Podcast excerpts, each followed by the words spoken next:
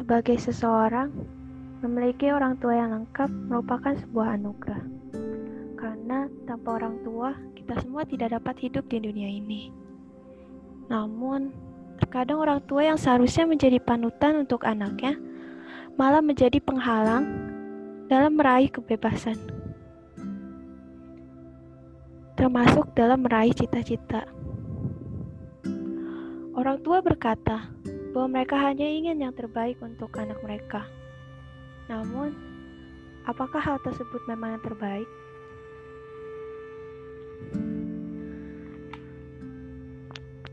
Halo semuanya, selamat datang kembali di podcast Harap-Harap Kecil. Di sini, aku Fasti, salah satu event officer Harap-Harap Kecil yang akan menemani kalian.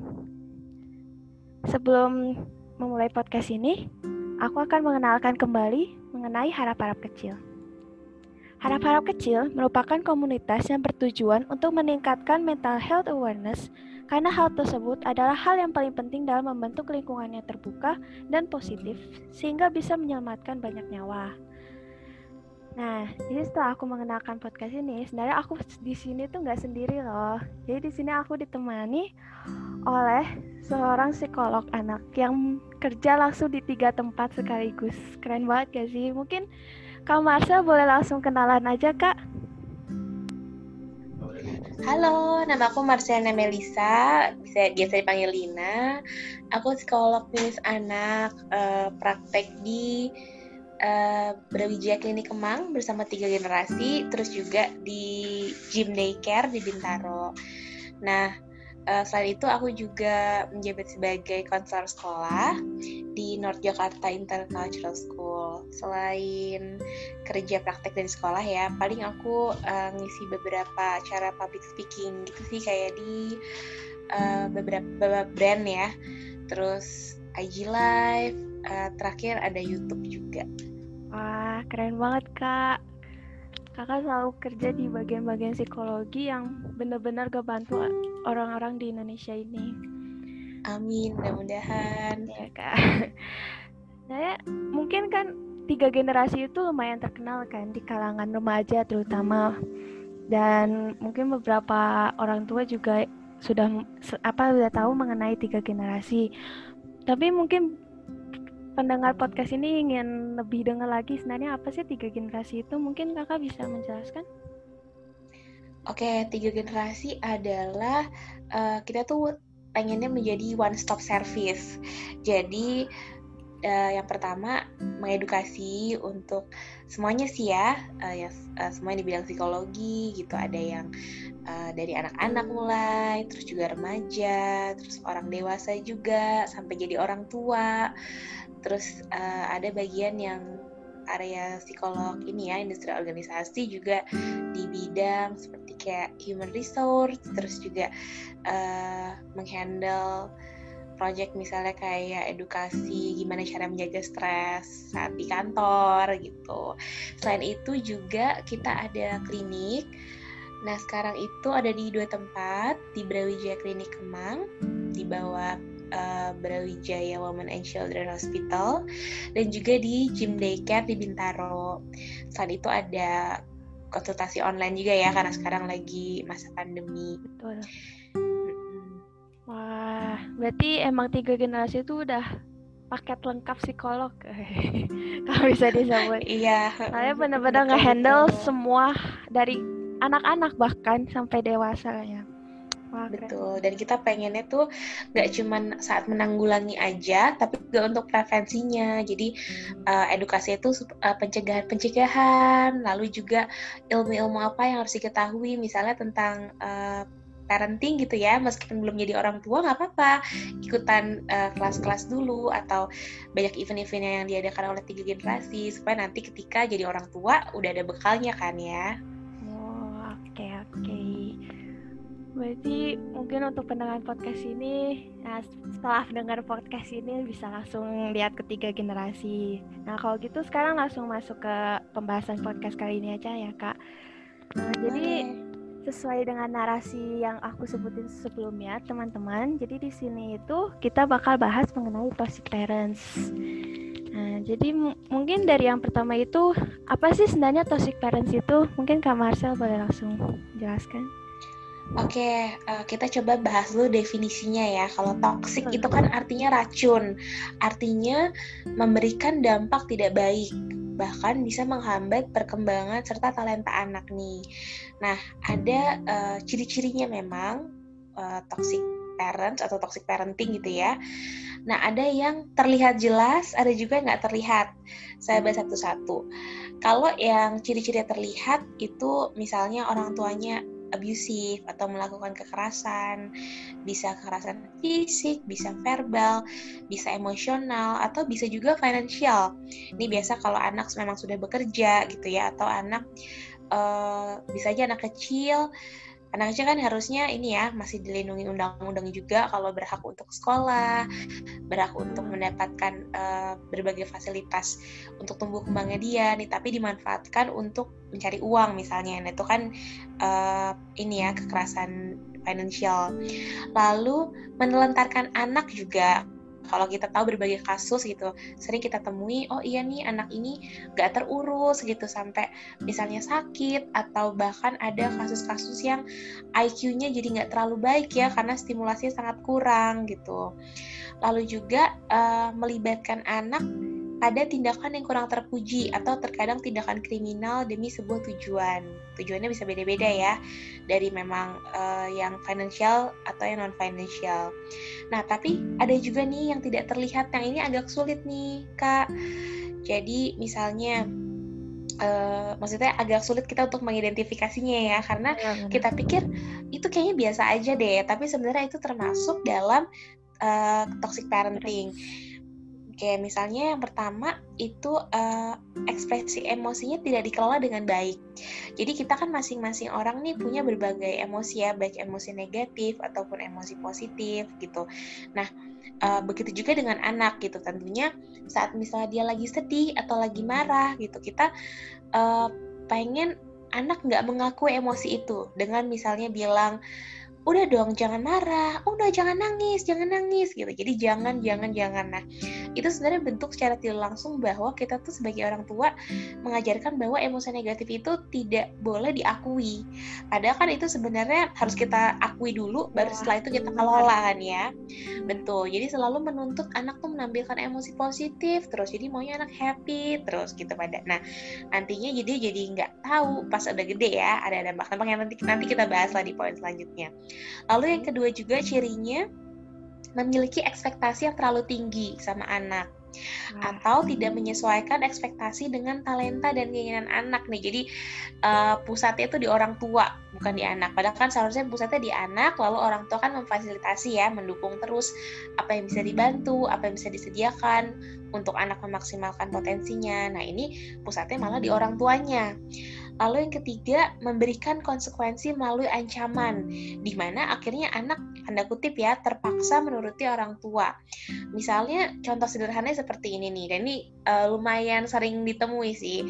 Udah, kamu jangan nangis lagi, kalau kamu nangis nanti mama pergi loh, gitu. Itu kan, jadi anak tuh uh, berhenti, berusaha untuk berhenti nangisnya dengan terisak-isak, uh, bukan untuk harusnya kan anak belajar ya untuk menenangkan diri sendiri gitu. Tapi ya, dia berhenti nangis. emosi ya kak.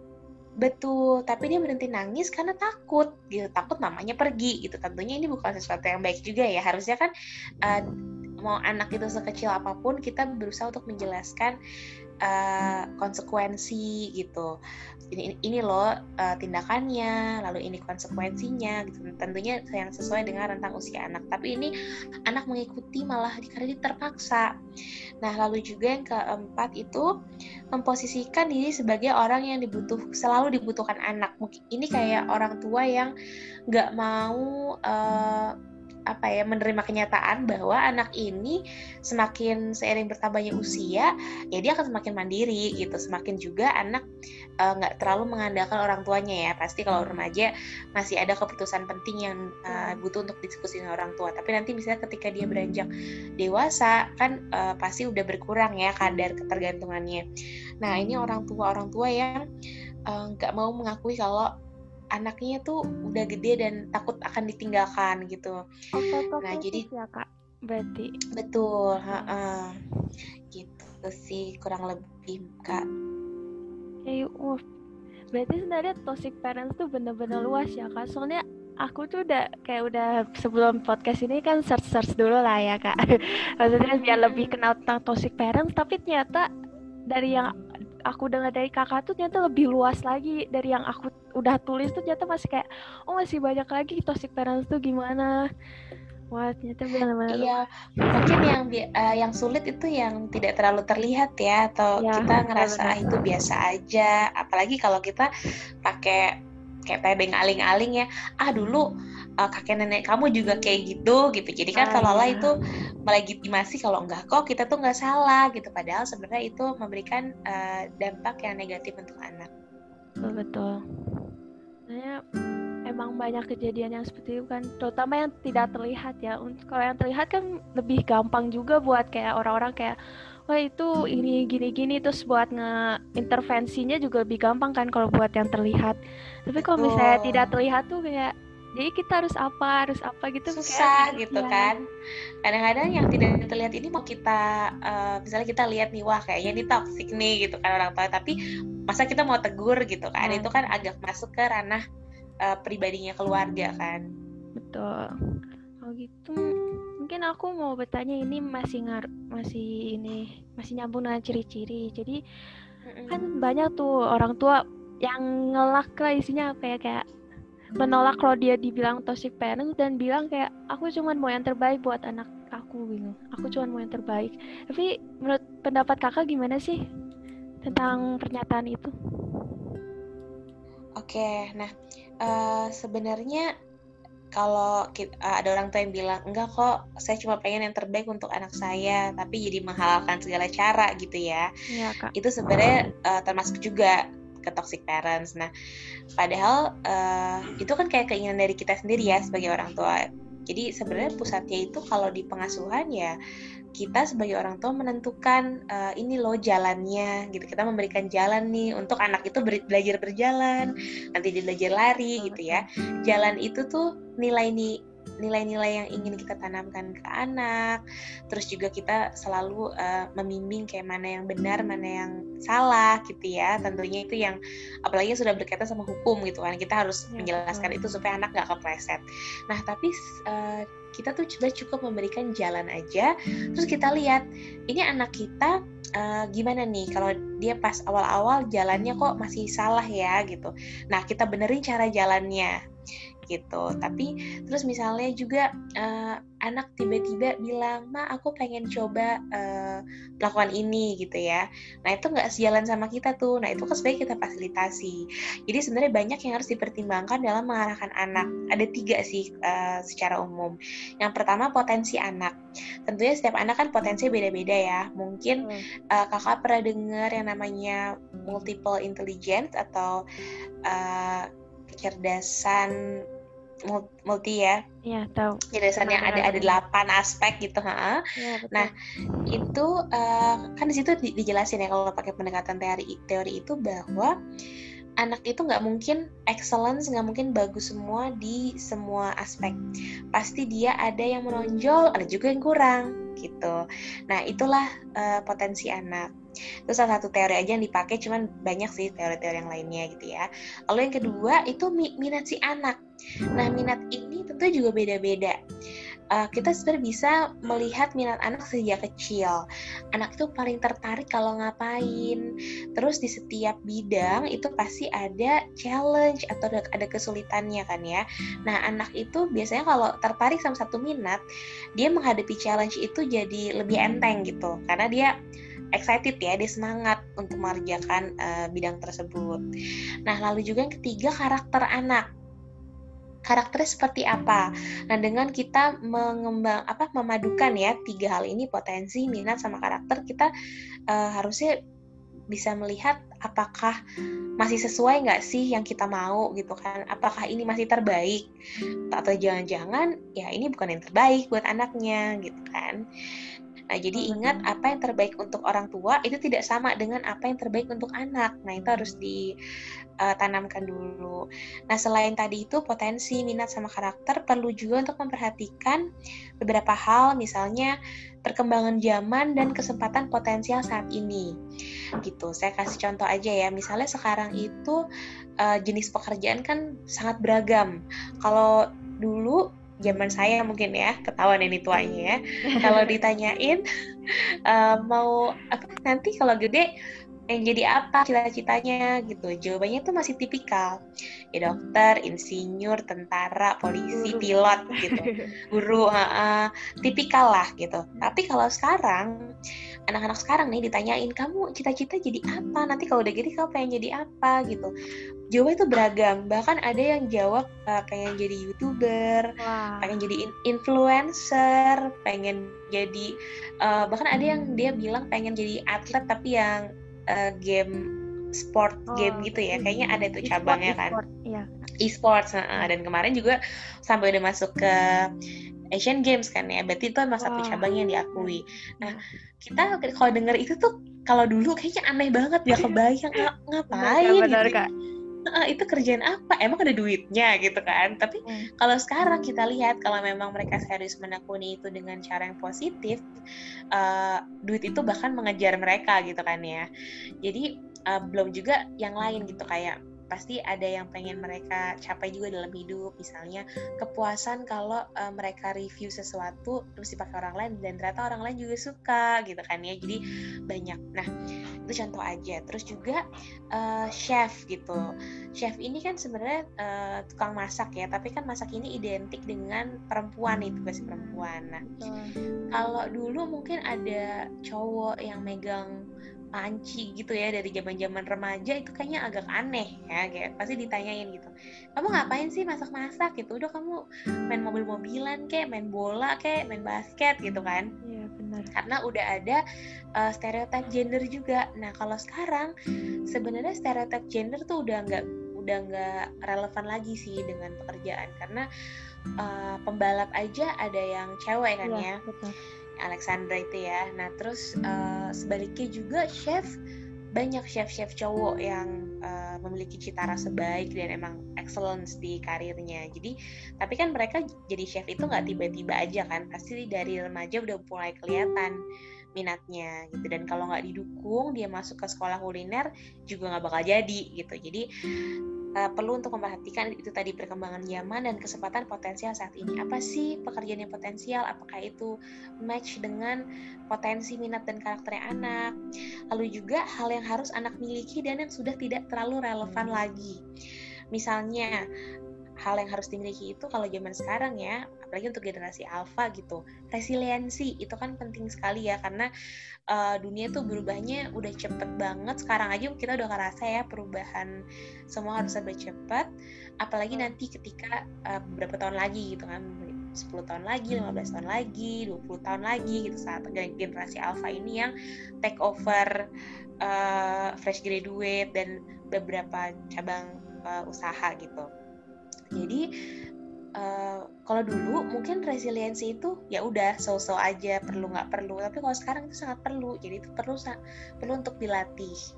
Lalu juga uh, tuntutan saat ini gitu. Apa? Misalnya kalau zaman dulu bahasa Inggris itu sesuatu yang kalau kita punya ya syukur tapi enggak juga enggak apa-apa gitu. Tapi kalau sekarang kayaknya uh, agak sulit ya kalau misalnya bahasa Inggris itu kita jelek gitu karena apalagi kalau kita punya uh, cita-cita yang uh, besar gitu yang tinggi gitu kan tentu kita juga harus memperhatikan hal itu gitu jadi itu aja sih bedain apa yang terbaik untuk orang tua dan uh, apa yang terbaik buat anak dengan mempertimbangkan banyak hal itu.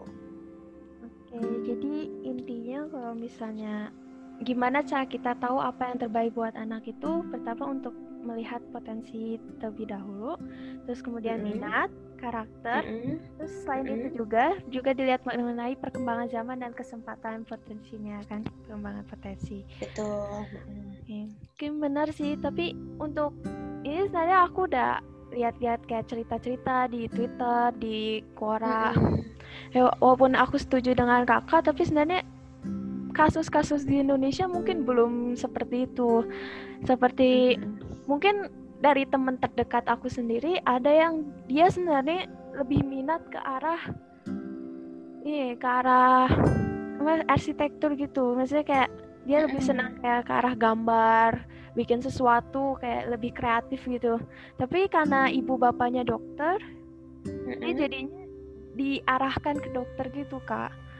Nah, itu mungkin beberapa pendengar juga ada yang relate dengan keadaan itu ya kak mungkin kayak gitu sih kak kalau misalnya contoh-contoh kasus. Terus tadi juga aku nemu di Quora kalau dia kayak merasa kalau ibu dia kayak tiba-tiba menjadi toxic gitu kak. Itu bisa nggak sih kak? Jadi awalnya tuh dia kayak apa orang tuanya tuh mendukung banget tapi tiba-tiba dalam suatu waktu berubah drastis gitu kak Uh, kayaknya ini mesti tahu dulu ya kayak kejadian detailnya seperti apa gitu ya. Uh, cuman ya biasanya kalaupun ada satu perubahan drastis pasti ada sesuatu juga nih yang terjadi sama orang tuanya gitu. Entah orang tuanya mengalami satu kejadian yang membuat dia kecewa sekali, membuat dia tertekan uh, dan dia lagi nggak dalam posisi untuk bisa memfilter hal itu ya ke anak. Jadi anak juga kerasa gitu.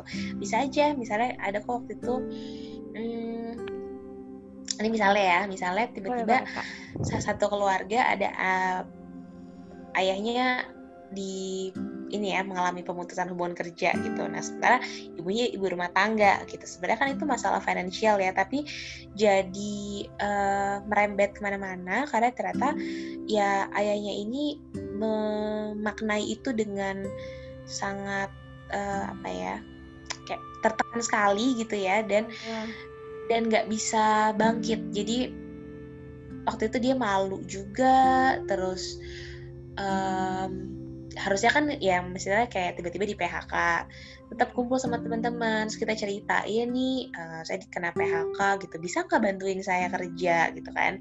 Jadi uh, teman-teman juga tahu oh dia ini baru kena PHK ya oh ya udah kalau misalnya saya ada nanti saya cariin. Tapi kan dengan menutup diri kan malah yang pertama dia nggak berusaha untuk mencari tempat kerja baru. Hmm. sementara dia uh, tumpuan hidup utama gitu ya. nah jawab. jadi ya.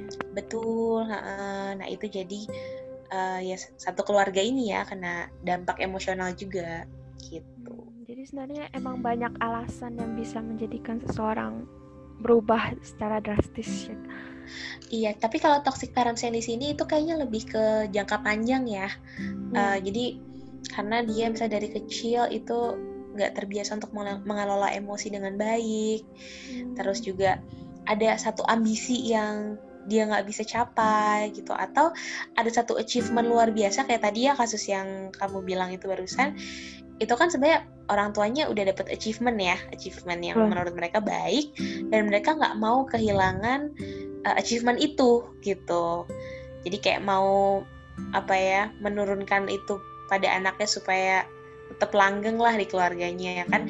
Bisa beberapa ya bisa status bisa kekuasaan bisa juga uh, financial.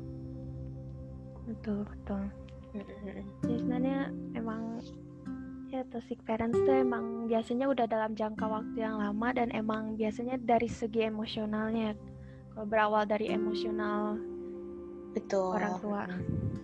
Mungkin tadi kan kakak sempat bahas tentang apa kejadian keluarga yang tiba-tiba di PHK seperti itu mungkin sekarang aku mau nanya sih kak kalau menurut kakak ada nggak sih hubungan antara toxic parents sama broken home?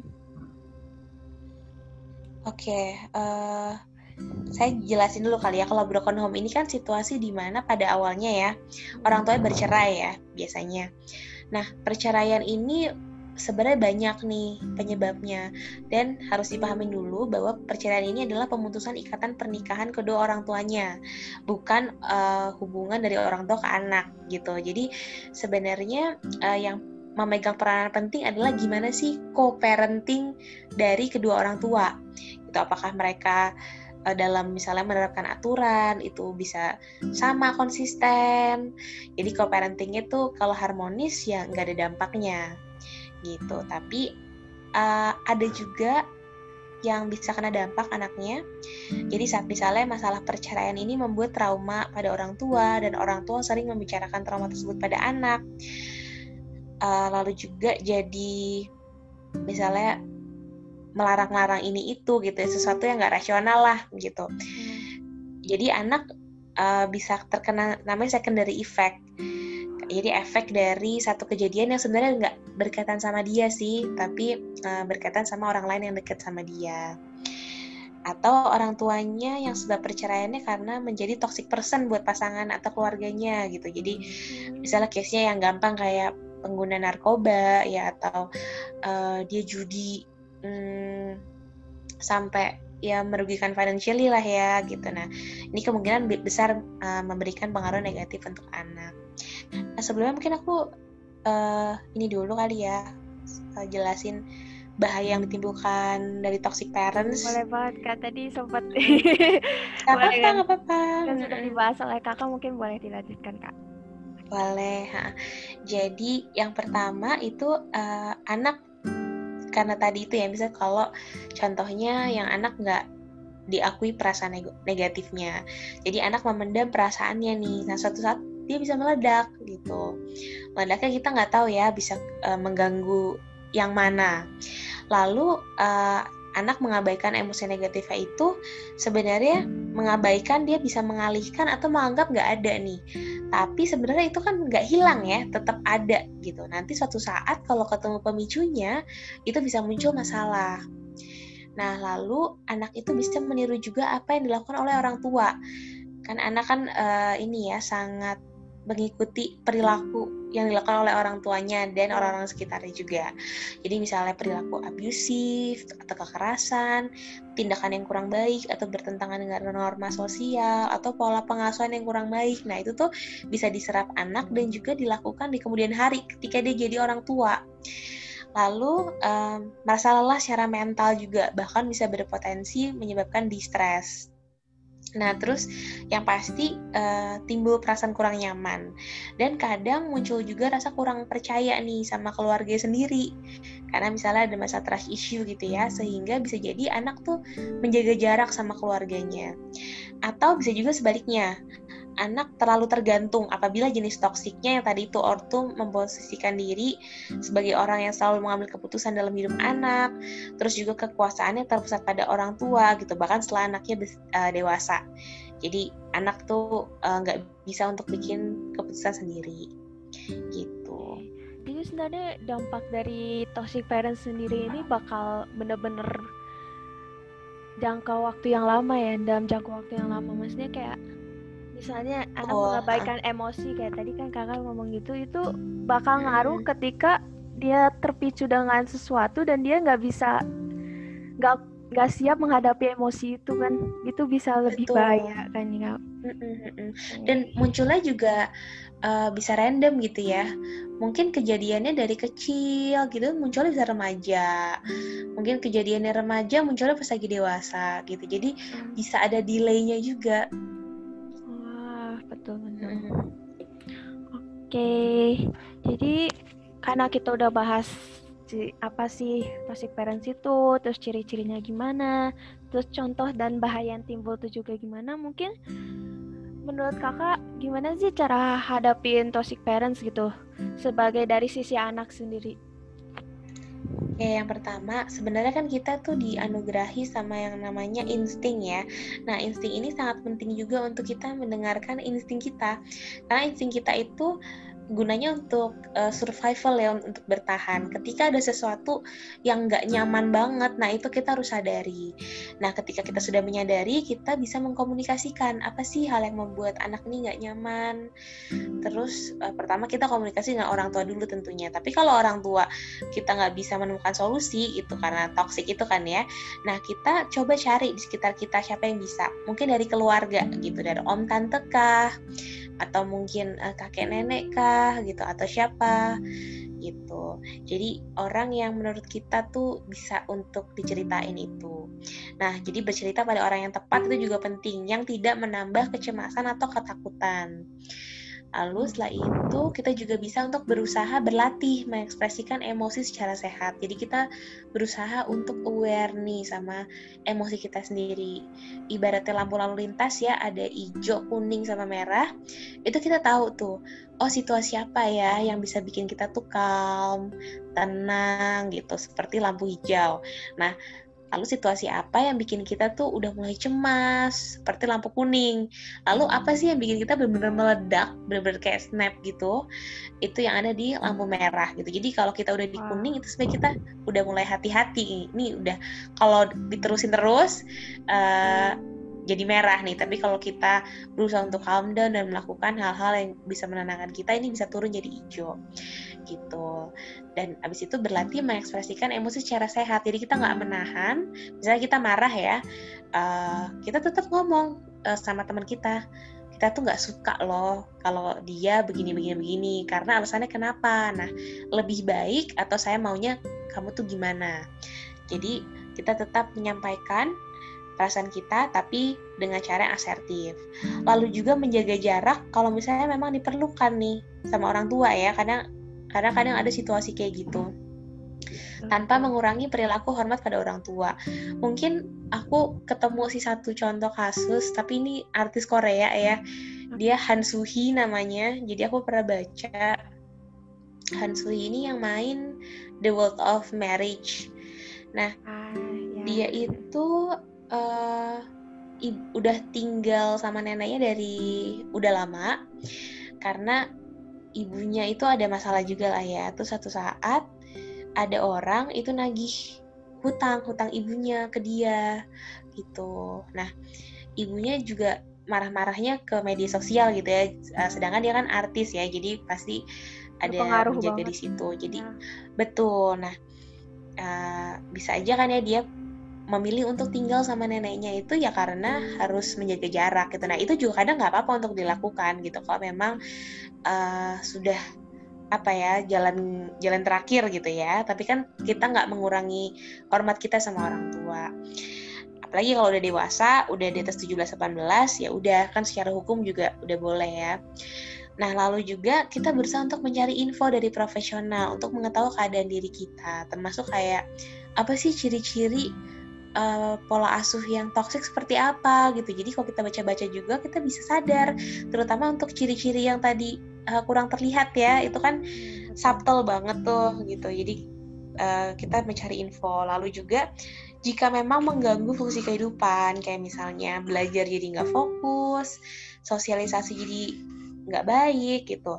Nah bisa konsultasi uh, dengan ahlinya atau misalnya dengan psikolog. Lalu ya sih hmm. kita ajak ya. Oke. Okay. Jadi intinya tuh kalau dari sisi anak sendiri, anak itu harus lebih mengerti tentang dirinya sendiri. Jadi kayak harus kayak tadi kan berarti mengekspresikan diri, berarti mengendalikan emosi. Jadi kita harus lebih kenal sama diri kita sendiri kayak apa sih yang kita butuhkan, kayak apa yang kita rasakan di sebuah situasi. Terus kita harus punya insting mengenai suatu hal. Tapi di sisi lain kita juga harus bercerita kepada orang lain terutama untuk sebagai bahu sandaran lah ya kak. Bener. Jadi selain oh, itu juga untuk orang lain uh, itu aware oh kita tuh lagi ada masalah nih gitu. Kalau keluarga kan bisa, mungkin bisa membantu ya. Jadi emang intinya mah ya coba cari teman yang bisa bukan teman juga mungkin orang yang bisa menjadi sandaran untuk bercerita yang bisa mengerti mengenai diri sendiri. Jika mungkin tidak ada bisa ke profesional ya kak. Lebih mungkin konsultasi dengan psikolog seperti yang kakak bilang. Oke. Okay. mungkin untuk itu terus kan kebanyakan dari pendengar podcast ini mungkin aku sendiri juga ya kak sebagai calon orang tua mungkin gimana sih cara menghindari perilaku toxic parents gitu sebagai calon orang tua? Oke, nah yang pertama itu uh, sadari dulu sih. Kayak tadi uh, kamu pernah bilang ya, tapi kan banyak yang nggak sadar gitu. Nah jadi uh, sadari dulu hal yang nggak nyaman dari diri kita dari pengasuhan orang tua kita dulu aja gitu. Apa sih yang bikin kita nggak nyaman? Bikin kita risih atau bahkan kita udah menemukan wah ini tuh nggak bagus dan nggak cocok lagi di zaman sekarang. Nah kalau kita udah menemukan singkirkan cara pengasuhan yang membuat kita nggak nyaman. Pastikan bahwa nilai yang ingin kita terapkan itu membawa dampak positif bagi anak. Jadi dengan melakukan itu aja sebenarnya kita udah uh, ada andil lah ya. Dalam nggak melanjutkan uh, pola asuh yang toksik atau membawa dampak negatif buat anak kita. Nah, nah, nah lalu buka wawasan mengenai seperti apa sih yang tergolong toxic parenting, terutama yang kurang disadari, bagaimana cara menghindarinya, karena kita masing-masing pasti ada cara uh, ciri-ciri ya atau kecenderungan gitu uh, jenis yang mana nih yang toxic parenting yang uh, kita bisa jadi seperti itu gitu. Saya pun ya, ada betul. gitu. Jadi kalau yang, yang penting kita sadar wah yang mana nih ciri-ciri yang kayaknya saya berpotensi gitu. Nah jadi kan kalau udah buka wawasan kan uh, pengetahuannya juga lebih luas. Nah lalu juga meskipun sebenarnya niat kita baik ya sebagai orang tua, namun pastikan juga nggak ada ambisi pribadi dalam mengasuh anak bahwa hmm. yang penting itu adalah kebahagiaannya anak, terus juga perkembangannya dia, pencapaian diri kita, bukan pencapaian diri kita. Betul. Jadi, wah, aku udah ngadain dari kakak tuh bener-bener langsung, oh ya jadi gitu-gitu gitu, kayak bener-bener langsung terbuka gitu kak. Banyak banget wawasan yang masuk ke otak aku gitu kak. Terus mungkin selanjutnya ini nih jadi mungkin ya mungkin ada pendengar podcast ini yang merasa kayak dirinya sudah tergolong toxic parents. Nah itu nada masih ada kesempatan gak sih untuk memperbaiki diri untuk memperbaiki hubungan juga mungkin dengan anak? Gimana menurut kakak? Kesempatan tuh selalu ada sih selama kita masih hidup. Tuh kalau saya tuh percaya kesempatan tuh akan selalu ada. Nah yang pertama itu kita menyadari dulu. Tadi kan udah bagus ya kalau ada pendengar dari podcast yang sadar gitu. Oh uh, saya jangan-jangan ada perilaku toksik nih atau enggak jadi relate lagi sama pengalaman yang uh, beberapa saat lalu sama anak gitu. Nah itu aja udah bagus karena banyak uh, orang yang punya tok menjadi toxic parents tapi dia nggak sadar kalau dia itu toxic gitu. Jadi dengan menyadari bahwa terdapat sejumlah perilaku toksik dalam diri dan ingin memperbaiki. Itu aja dulu yang pertama. Lalu yang kedua menentukan apa sih yang mau diperbaiki gitu. Kalau misalnya terlalu banyak satu-satu dulu gitu. Pokoknya uh, slowly but sure tapi uh, kita juga tahu dengan cara apa kita memperbaikinya. Kalau perlu bikin indikator keberhasilan buat kita sendiri gitu ya tapi juga yang masih realistis. Jadi misalnya kalau uh, dulu kita kayak gini terus oke okay, sekarang saya berusaha untuk seperti apa yang lebih baik. Nah harapan saya sih jangka panjangnya seperti apa gitu. jadi kita punya uh, prosesnya juga. Gitu. Dan kita juga menghargai prosesnya. Kadang dalam kita berusaha itu pasti masih banyak jatuh-jatuhnya tapi ya nggak apa-apa. Sejauh kita itu berniat baik kita pengen terus memperbaiki diri ya nggak masalah gitu jangan patah semangat juga. Nah kita juga bisa minta orang lain untuk menilai perbaikan diri kita. Misalnya kalau aku uh, itu bilang ke suami gitu ya eh ini aku mau benerin nih uh, diri aku di sini sini sini gitu. Coba kamu tolong perhatiin nanti kalau kejadian lagi reaksi aku gimana better atau enggak gitu better itu juga dijelasin ya hmm. misalnya yang yang pertama itu reaksinya lebih uh, kalem kah yang kedua misalnya uh, suara tonnya bisa balik uh, dengan tenang lebih cepat gitu jadi suami juga tahu apa sih yang mau uh, dilihat gitu dalam perbaikan prosesnya. Nah lalu juga berkonsultasi dengan ahli jika diperlukan ini uh, untuk case yang misalnya agak kayak benang kusut gitu ya kayak hmm. Nggak tahu mulai dari mana nggak tahu dengan cara apa ya itu nggak apa-apa juga untuk minta bantuan profesional. Jadi semua bisa terjadi jika berusaha ya kak. Karena kesempatan Betul, itu selalu penting, ada. Benar. Iya.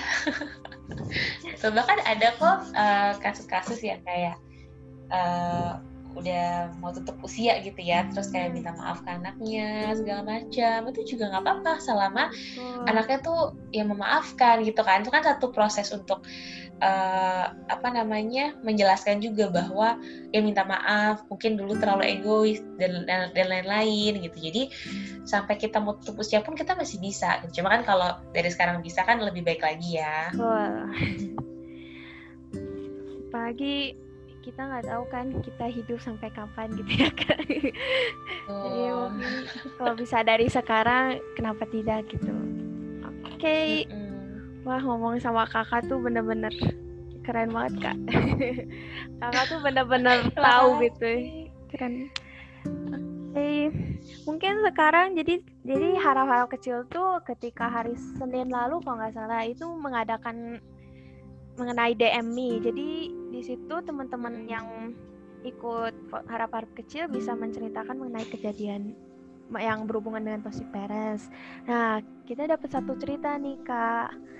Nah, ada seorang sebut saja R. Ini ceritanya agak panjang, jadi mungkin aku langsung baca aja ya, Kak. Oke. Okay. Hmm, aku perempuan anak pertama, punya dua adik. Menurut papa, adik-adik adalah tanggung jawabku sebagai kakak yang sudah 20 tahun. Apalagi sekarang harus sekolah di rumah, semakin besar rasanya tanggung jawabku sebagai kakak. Mengontrol jadwal sekolah mereka, membantu tugas-tugas dan ujian mereka. Dan ada satu waktu ketika UAS kelas 2 SD, untuk adik keduanya, dia tidak bisa mengerjakan soal matematika. Dan mamaku yang memang emosional langsung marahin dia.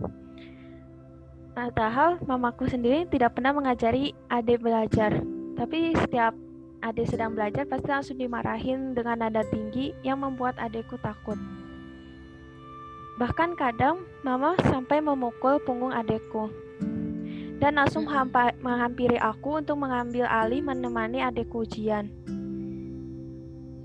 Selain itu, kakak juga eh selain itu mamaku juga tidak hanya memukul punggung adikku tapi juga memarahi adikku dengan kata-kata yang kasar, seperti anak kurang ajar atau menuduh kalau adikku berbohong selama ini.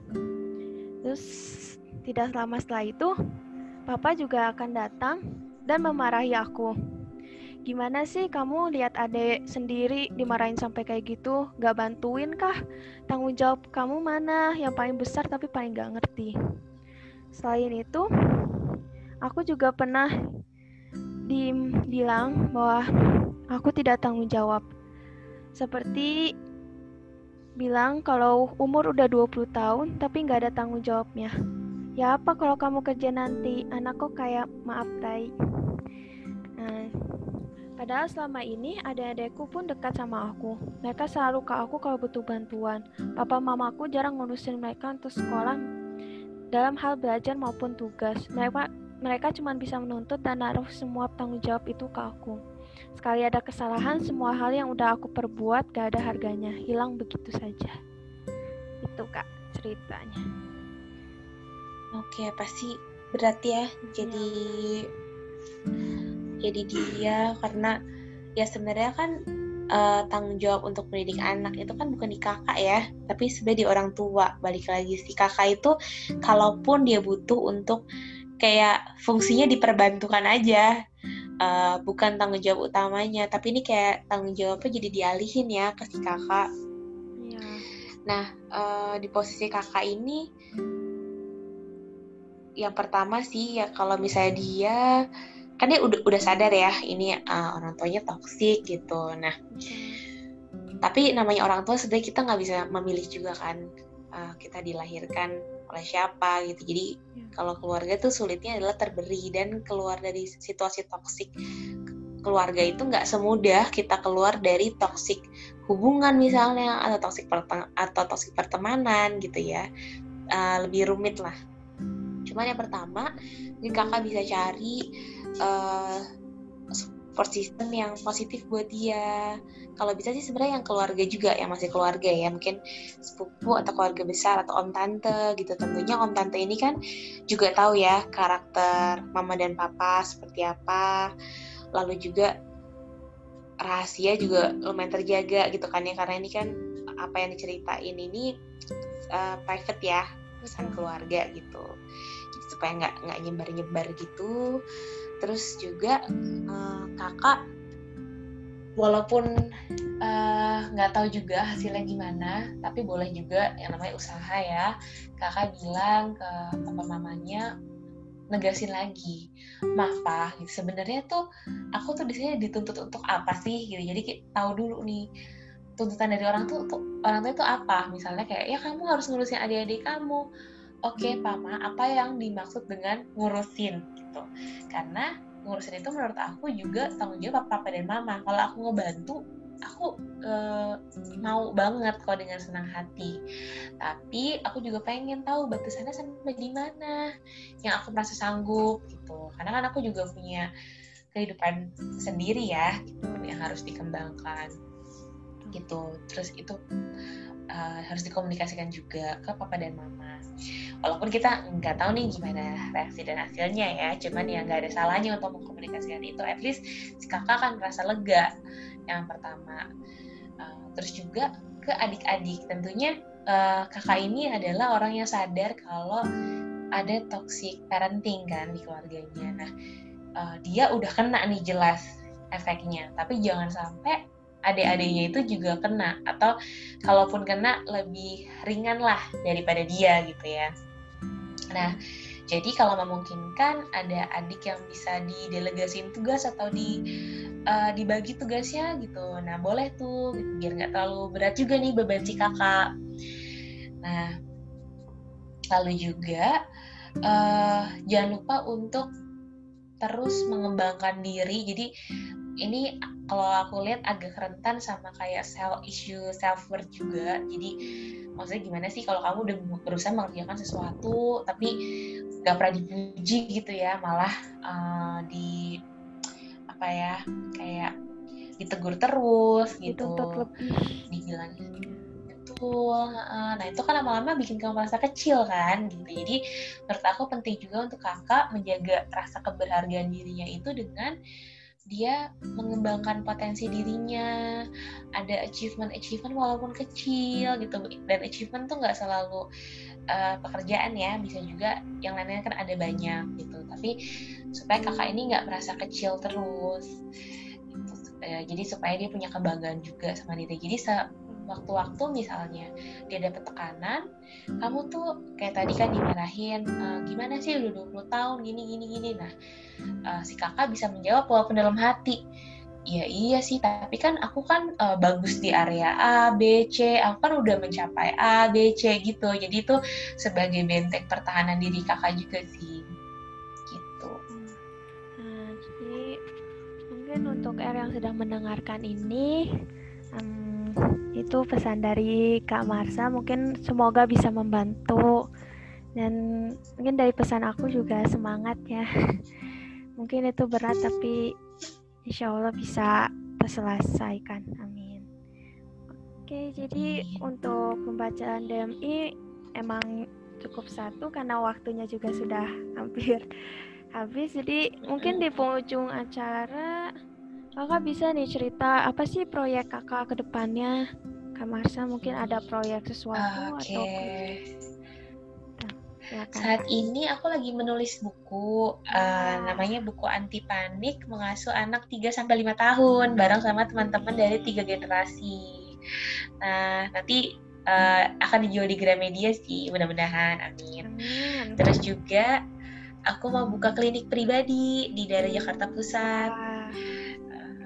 Terus juga ada ini di channel YouTube baru bareng sama Orami Parenting. Jadi aku datang ke salah satu rumah artis, terus nanti kita ngomongin satu topik gitu. Jadi sharing juga sih, lebih ke sharing. Sama beberapa project public speaking. Keren banget, Kak. Semoga semua proyek kakak bisa berjalan lancar. Amin. Terima kasih. Mungkin kakak juga bisa apa namanya promosi IG kakak mungkin? Biar orang bisa bisa iya, follow iya. up juga. Betul IG aku itu at Marcelina Melisa. At Marcelina Melisa. Biasa aku suka sharing-sharing kalau ada aku habis ngebahas sesuatu di event terus biasa aku suka sharing aja sih di caption gitu.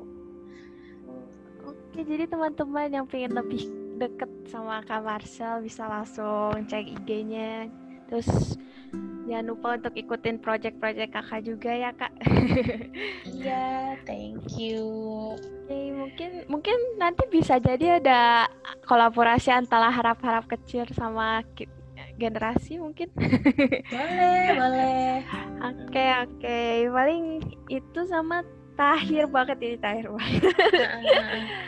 Apa ad, apa kakak punya pesan tahir gitu untuk orang tua ataupun calon orang tua yang mendengarkan podcast ini Oke, ya, kita kan sebagai calon orang tua atau orang tua itu harus sadari dulu hal-hal yang membuat kita dalam tanda kutip terluka di masa lalu dan tidak mengulangi pada anak kita.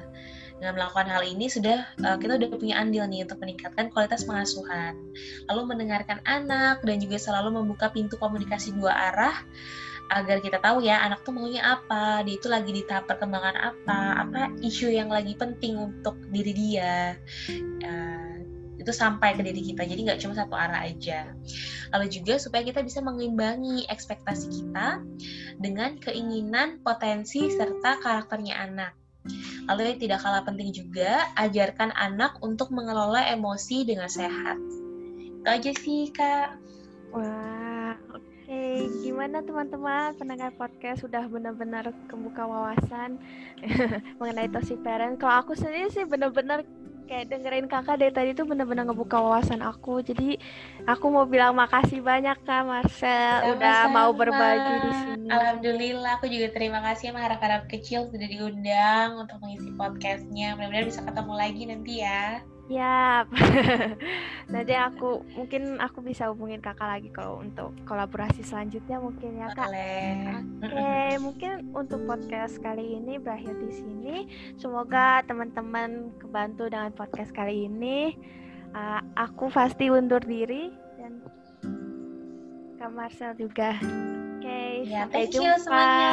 Dadah. Dadah. Terima kasih teman-teman.